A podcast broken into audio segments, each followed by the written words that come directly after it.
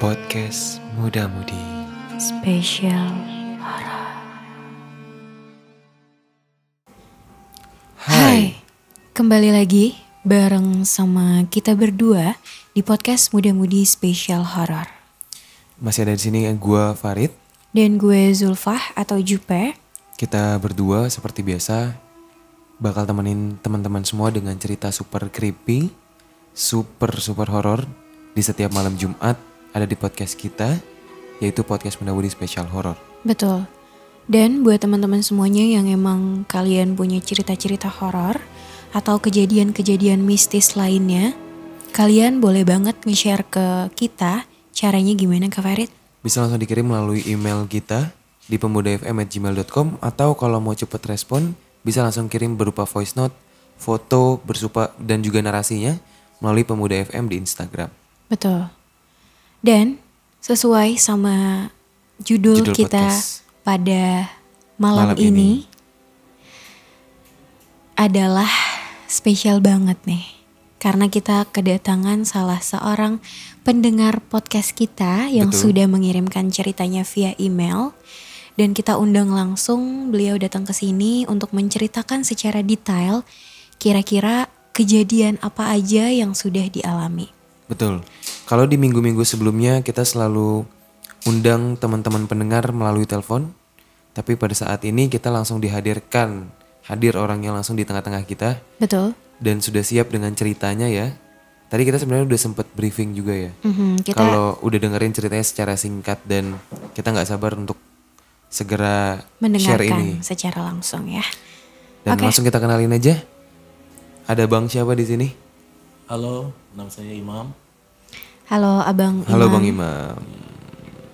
Saya datang ke Radio Pemuda FM ini. Pertama saya telah mendengar podcastnya Radio FM yang mengenai cerita-cerita horor.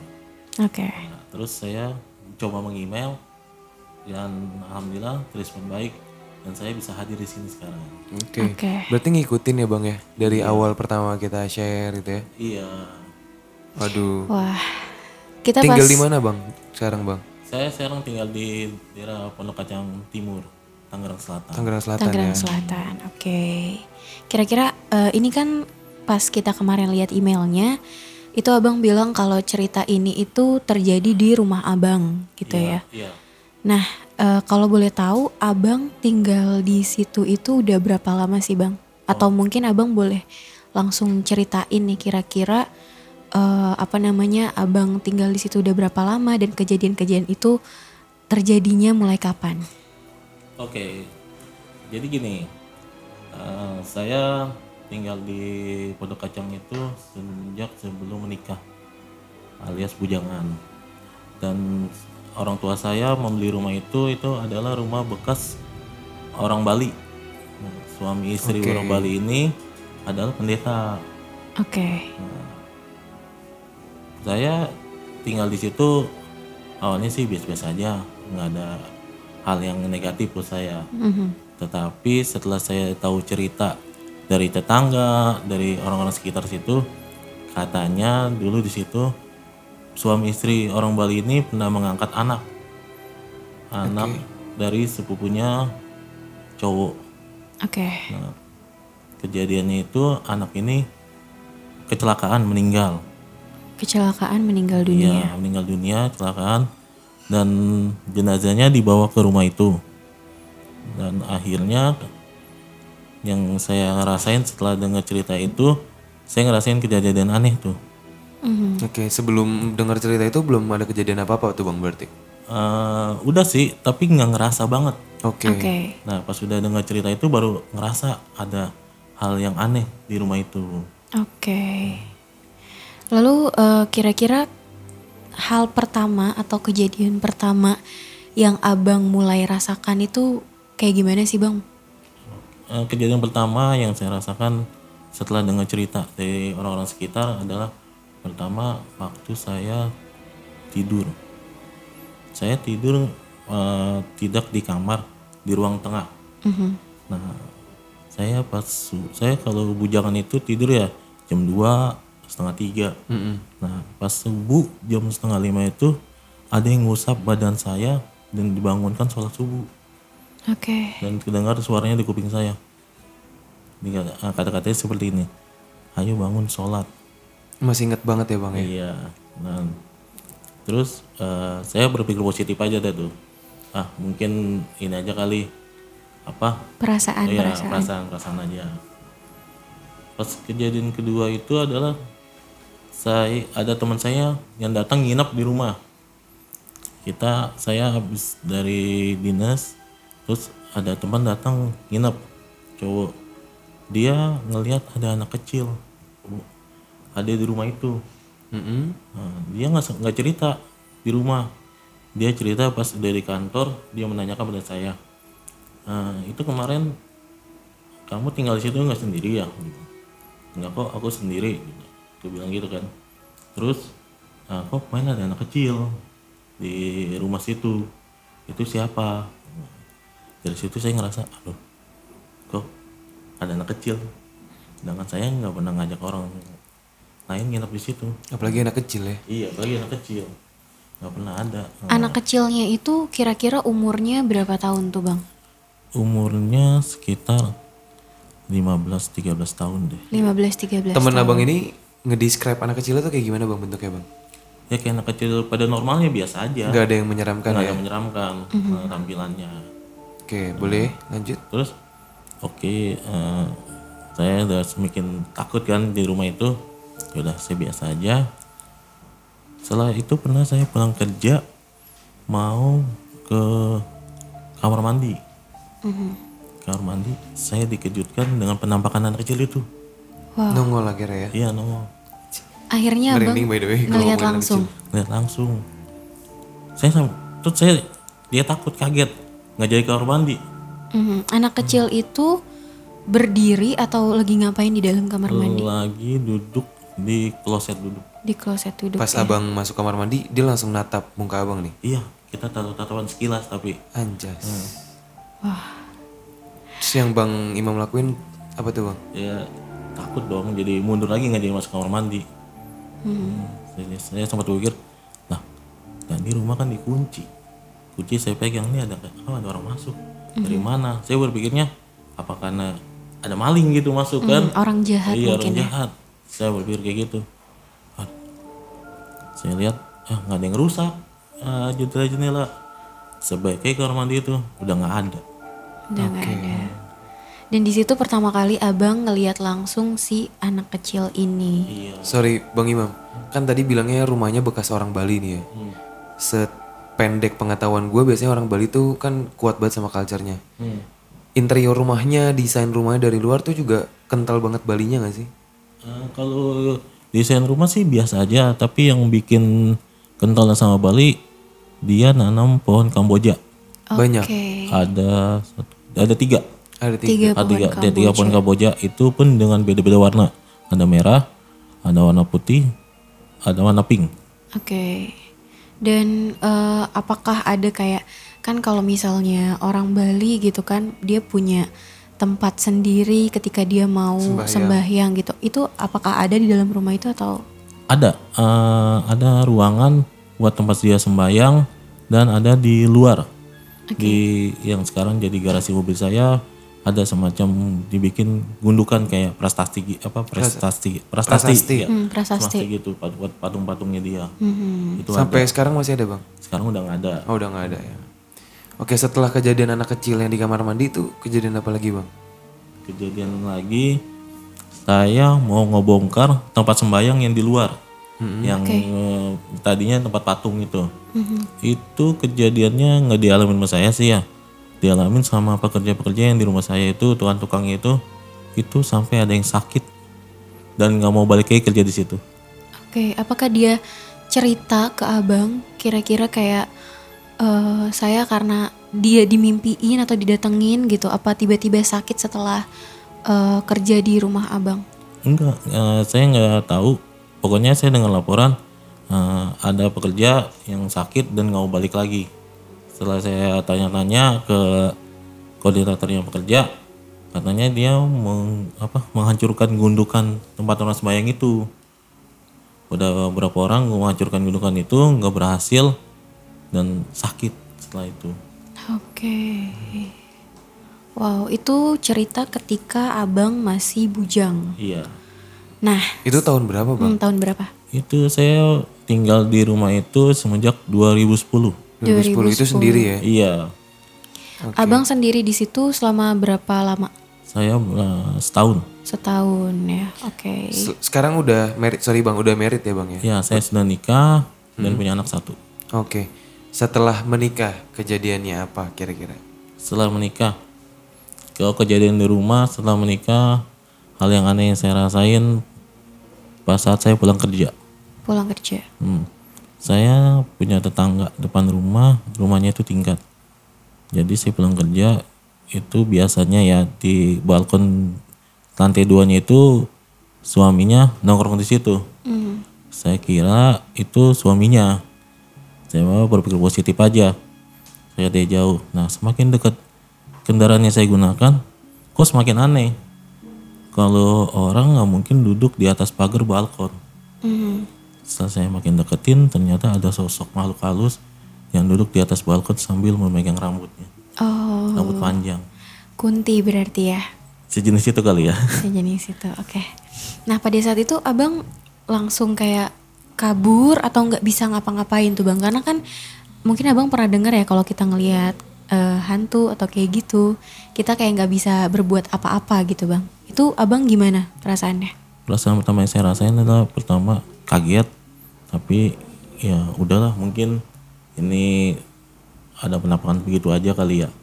Karena saya bukannya sombong, bukannya ingin kabur. Saya udah pernah ngeliat hal kayak gitu-gitu.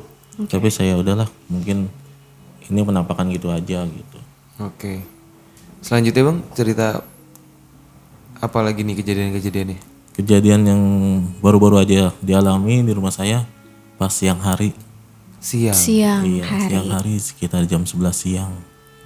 Wow. Itu anak saya difoto sama istri saya ada penampakan rambut panjang dan ada mata. Oh wait, ini yang tadi kita lihat fotonya ya? Ini yang tadi abang Iya, kasih lihat fotonya iya, ya. mm. Itu jelas banget sih. Iya. Iya, nih ada fotonya. Wow. Oke. Oke. Ini Jadi fotonya, fotonya ada. Jadi mendengar eh, ceritanya ini, jadi istrinya biasa lah ya kirim foto anak ke suami ke bapak kan. Mhm. Eh, Tiba-tiba di fotonya itu mungkin ada gambar muka yang. Iya. Sorry bang, boleh gue bantu bang? Ini. Nah, jadi gini, ini foto anaknya Mhm. ya. Kalau kita lihat di kiri atas ini persis yang lagi gue ini. Kalau kayak gini mungkin masih belum jelas ya. Kelihatan ya? Nah ini. Nah tapi kalau kita giniin itu persis kayak ada, sorry, ada mata yang lagi ngintip. Ngeliat. Dan ini rambutnya jelas banget. Dan itu sudah dipastikan juga kalau itu bukan istri abang. Bukan. Oke. Gue kasih ke kamera bentar. Oke, boleh. Wow. Pada saat itu eh itu istri abang kan yang foto. Iya. Foto anak Iya, abang. iya. Pada saat itu istri abang apakah dia langsung menyadari foto tersebut atau kayak menyadarinya pas udah ya udah udah lama gitu ketika dia baru lihat-lihat foto lagi di galeri.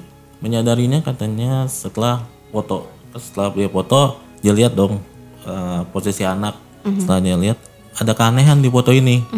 Ini apa ini? Kok ada rambut panjang dan ada sosok mata satu. Wah. Tapi pada saat itu istri abang nggak merasakan apa-apa. Sumpah merinding. Nggak merasakan apa-apa sih. nggak merasakan apa-apa Iya. ya.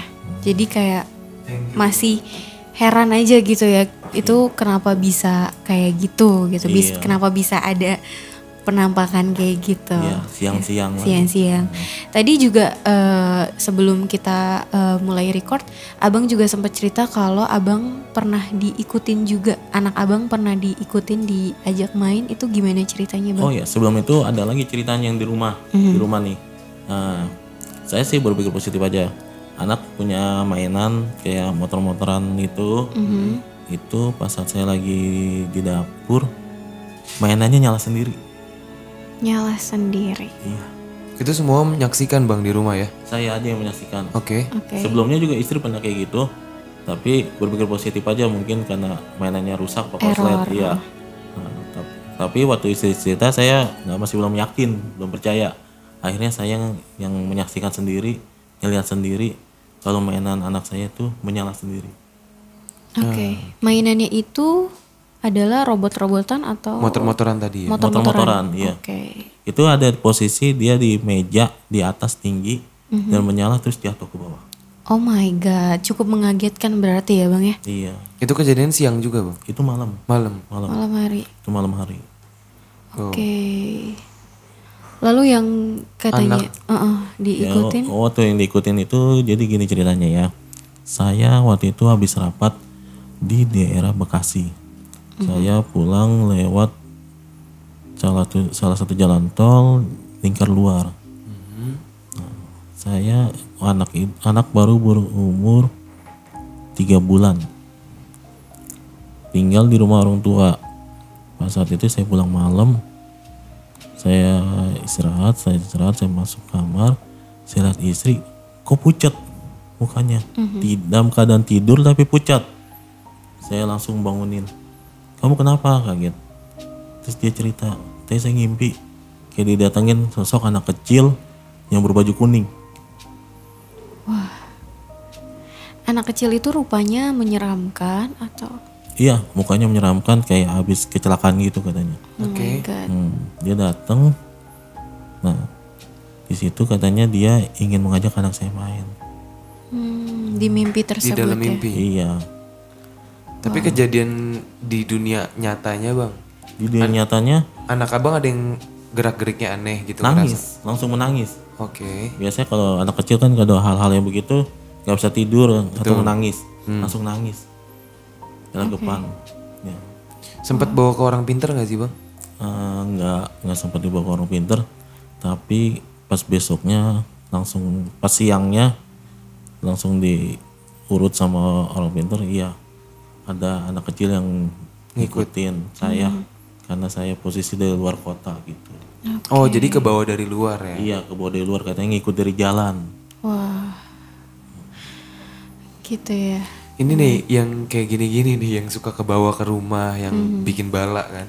Bener. Tapi kalau bang Imam sendiri punya basic atau kemampuan, amit eh, nggak tahu deh ini gue kelebihan atau kekurangan yang bisa ngeliat atau bisa berkomunikasi dengan makhluk-makhluk astral gitu nggak sih bang? Saya enggak sih nggak punya kemampuan kayak gitu tapi nggak tahu kadang-kadang saya ngerasa aja kadang kalau ada hal yang aneh di lingkungan sekitar saya saya ngerasa merinding bulu kuduk saya pada berdiri Mhm. Atau kadang-kadang ya kalau Allah ngasih ke kehendak kekuasaan kayak gitu saya pernah ngeliat semacam kayak kuntilanak gitu. Mhm. Kuntilanak yang paling serem yang lu lihat bang, kira-kira bentuknya kayak gimana? yang serem itu bentuknya yang mukanya hancur-hancuran Itu di mana tuh bang ketemunya? itu dulu posisinya di lingkungan sekitar rumah Rumah abang yang sekarang. Iya, rumah saya sekarang saya pernah ngeliat dia mukanya kayak habis kecelakaan gitu, hancur-hancur gitu. Darah-darah gitu ya? Iya, semacam kayak darah gitu. Kalau yang paling terbaru bang di rumah baru-baru ini? Yang baru-baru ini yang saya alamin yaitu ya penampakan tadi kuntilanak yang siang hari. Dan yang terakhir yang saya alami itu adalah di rumah sempat ada kejadian aneh-aneh aja gitu. barang bergerak gitu. Iya, barang bergerak. Oke. Kalau eh, itu kan dari cerita abang sendiri atau istri abang juga gitu. Nah, selain dari itu ada lagi nggak sih bang cerita-cerita di sekitar abang atau tetangga abang, saudara-saudara abang mungkin yang juga ngerasain hal yang sama di rumah abang gitu? Kalau dari tetangga-tetangga sih saya belum denger ya, tapi ada lagi cerita waktu Idul Adha saya pernah mau kurban seekor sapi, saya jagain sapi itu sendiri. Saya tidur, tadinya kan rencananya Astagfirullah, astagfirullahaladzim. bertiga jaga sapi itu kan, tapi karena Oke lanjut bang lanjut. Nggak ada suatu soal jadi pada pulang saya jagain. Dijaga saya tidur di saung. Dan saya didatengin sama ibu-ibu dan bawa, yang bawa anak malam-malam. Oke, disamperinnya itu mereka ngapain tuh bang? mereka nggak suka ada saya di situ. Intinya ngapain sih kamu tidur di sini? Oke, dan maksudnya dia itu nyamperin itu dengan mau cuma nanya gitu ngapain? enggak mereka mengusik jadi Mengusik. iya dia gangguin saya tidur pertama terus saya pas saya buka mata ternyata dia ada sosok itu ibu-ibu dan yang bawa anak Wow, anaknya itu kayak anak biasa aja gitu atau dia rupanya ada aneh-aneh gitu gak bang? anaknya itu ya semacam kecil palanya botak kayak semacam tuyul gitu deh Oh my god. Anak kecil yang digendong sama ibu-ibu itu ya? itu nggak gitu digendong kayak Digandeng. Iya, Digandeng. digandeng iya Pernah gak sih bang ada rekan atau keluarga yang bisa ngeliat terus bilangnya semenjak bang Imam tinggal di sana ada yang ngikutin, ada yang ngebawa gitu. kalau eh, ada keluarga keluarga ada yang bisa ngelihat yang bisa ngerasain makanya waktu itu sempat yang ada foto itu saya langsung menanyakan pada saudara saya ini benar nggak sih ini foto ini? Ini karena kejadiannya siang-siang loh. Soalnya kan nggak mungkin dong siang-siang ada penampakan. Nah saya menanyakan dah tuh. Dia bilang iya ini bener kok bisa? Siang-siang sampai sampai ke foto begitu? Itu kejadian di mana? Di sebelah mana? Rumah kamu? Dia bilang. Ini dekat pintu kamar di luar kamar gitu Jadi emang real ya itu udah udah maksudnya udah dikonfirmasi juga gitu ya kalau misalnya itu bukan istri abang itu bukan siapa-siapa dan di rumah juga cuma ada istri abang dan anak abang gitu ya. Wow. Atau mungkin ada nggak sih bang kayak orang yang kerja di rumah abang gitu kan asisten rumah tangga gitu yang merasakan hal-hal aneh. Iya pernah ada. Saya waktu itu pernah ada yang bantu-bantu di rumah. Dia tinggal di rumah saya dan dia tidur di kamar yang tadi pintunya itu ada penampakan tadi. Dari situ kan itu salah satu kamar. Dia pernah waktu itu saya pergi sama istri sama anak. Dia tidur di ruang tengah di tempat nonton TV gitu. Dia melihat katanya ada sosok yang mau mandi di depan dia. Bentuknya di describe gak bang? Eh, dia ngelihat kayak sosok laki-laki gitu yang lalu lalang jalan di depan dia. Terus dia juga ngerasa kalau dia bangun malam mau ke kamar mandi ada yang mengikuti di belakang dia. Wow. Apakah kira-kira itu orang yang anak kecil yang itu atau Ya kita nggak tahu ya apa yang bisa itu atau ada makhluk lain yang ngikutin dia. Tapi dia cerita seperti itu ke saya. Tapi bang Imam flashback lagi nih sama cerita yang punya rumah sebelum bang Imam tempatin. Di, pernah dengar nggak cerita dari tetangga yang emang lebih jelas tentang kronologis peristiwa anaknya bisa meninggal kecelakaan tuh di mana, terus dikubur atau dibakar gitu kan?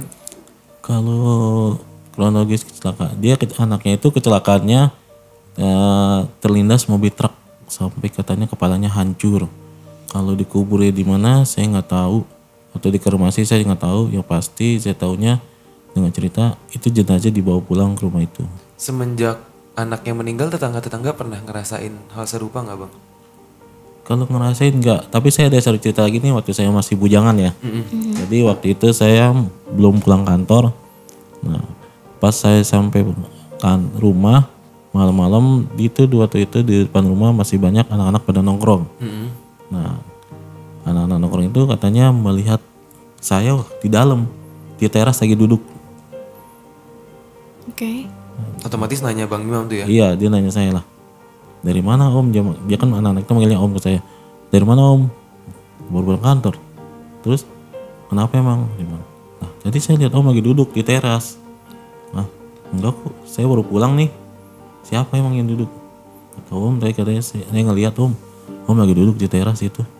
Oh my god. Duduknya diem aja atau Iya, diam aja.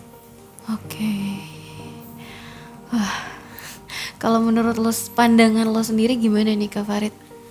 Sebenarnya gimana ya gue sih nggak bisa ngejustifikasi satu culture gitu kan yang dalam hal ini berkaitan dengan Bali eh, dengan segala tradisinya itu pasti kental sama dunia gitu enggak tapi memang eh, yang gue lihat yang gue pahami dari cerita ini adalah ya memang salah satunya memang dari anaknya yang yang ada di situ ya. Yang suka nongol ganggu-ganggu bang Imam tuh memang anaknya yang ada di kamar mandi.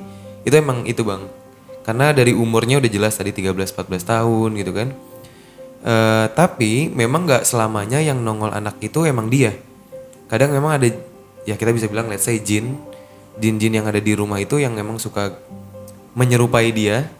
Jadi seakan-akan kalau misalnya someday bang Imam cari orang pinter makanya tadi saya sempat nanya kan bang Imam cari orang pinter apa enggak itu yang disalahin adalah anak kecil itu Iya, Eh, enggak juga. Jadi gini, eh, mungkin bener, eh, ada benar juga tadi eh, ada yang menyerupai.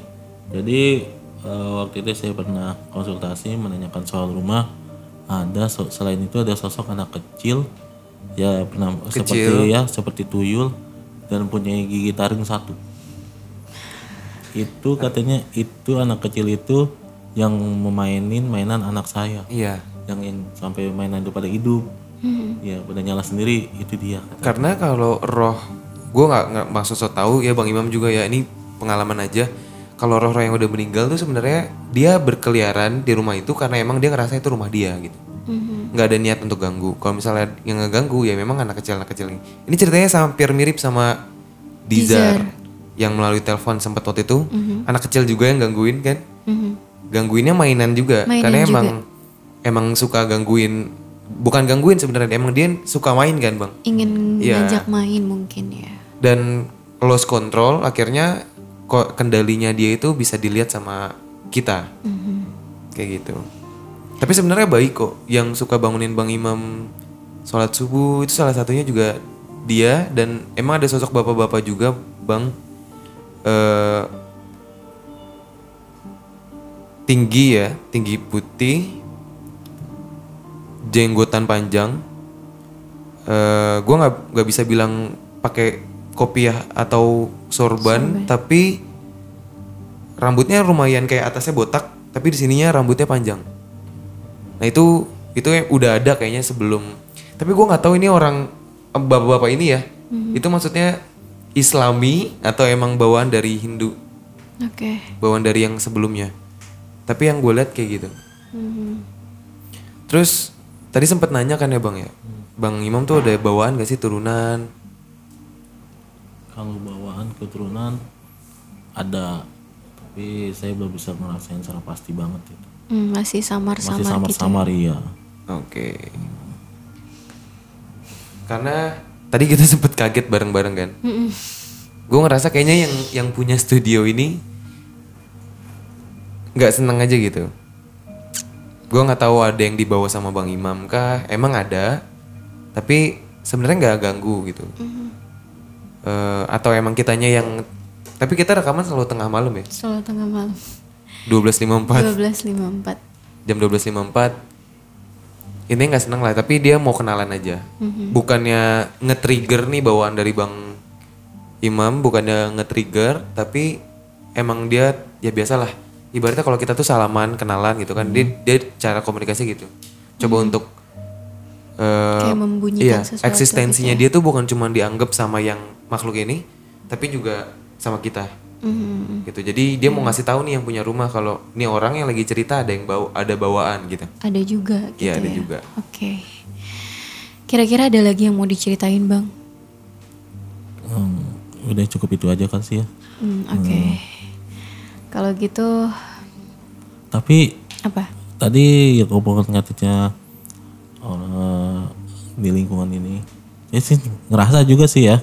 Oh ngerasa juga iya ya Bang? ngerasa juga apa yang sosok ibu-ibu itu ibu anak apa gimana saya juga kurang tahu. Saya juga ngerasa kayak ada sosok yang perhatiin kita dari tadi dari iya tadi. betul. Gue nggak bisa gue kalau gue nggak bisa merasakan banyak hal gitu anak muda. Cuma karena denger dari cerita bang Imam dan Kak Farid pada saat ini ya lumayan merinding ya. Kalau ada di sini sekarang gitu coba kalau misalnya lo menempatkan posisi lo di rumah kayak bang Imam gitu kan yang which is pernah dengar ceritanya dari tetangga pening, penempat seorang orang yang nempatin rumah itu sebelumnya kecelakaan anaknya terus ke trigger mungkin akhirnya Bang Imam sering ngeliat kejadian-kejadian serupa. Ya? Mhm, bener. kebayang nggak tuh? Nggak kebayang sih ya, maksudnya pasti bakalan kepikiran banget sih ya. meskipun memang sebenarnya setiap rumah ada pasti Setiap ya Bang Imam ada. ya pasti. pasti ada iya. pasti ada Oke. oke sekali lagi ada yang mau ditambahin Zulfa Eh, udah sih cukup ya abang. Ada lagi abang kira-kira yang mau diceritain? Udah cukup. Udah cukup juga ya. Oke, sekali lagi thank you banget Bang Imam buat kehadiran ceritanya jauh-jauh dari Tangerang Selatan Tangerang Selatan ya bang. ke ya? Jakarta Barat, Malam-malam ya. malam-malam pula eh, udah sharing ceritanya sama teman-teman, sama kita berdua. Iya. First perdana akan ditampilkan di podcast Muda Mudi Special Horror di YouTube juga. Di YouTube, oke. Jadi buat teman-teman yang sekarang lagi dengerin podcast kita, bisa langsung di check it out.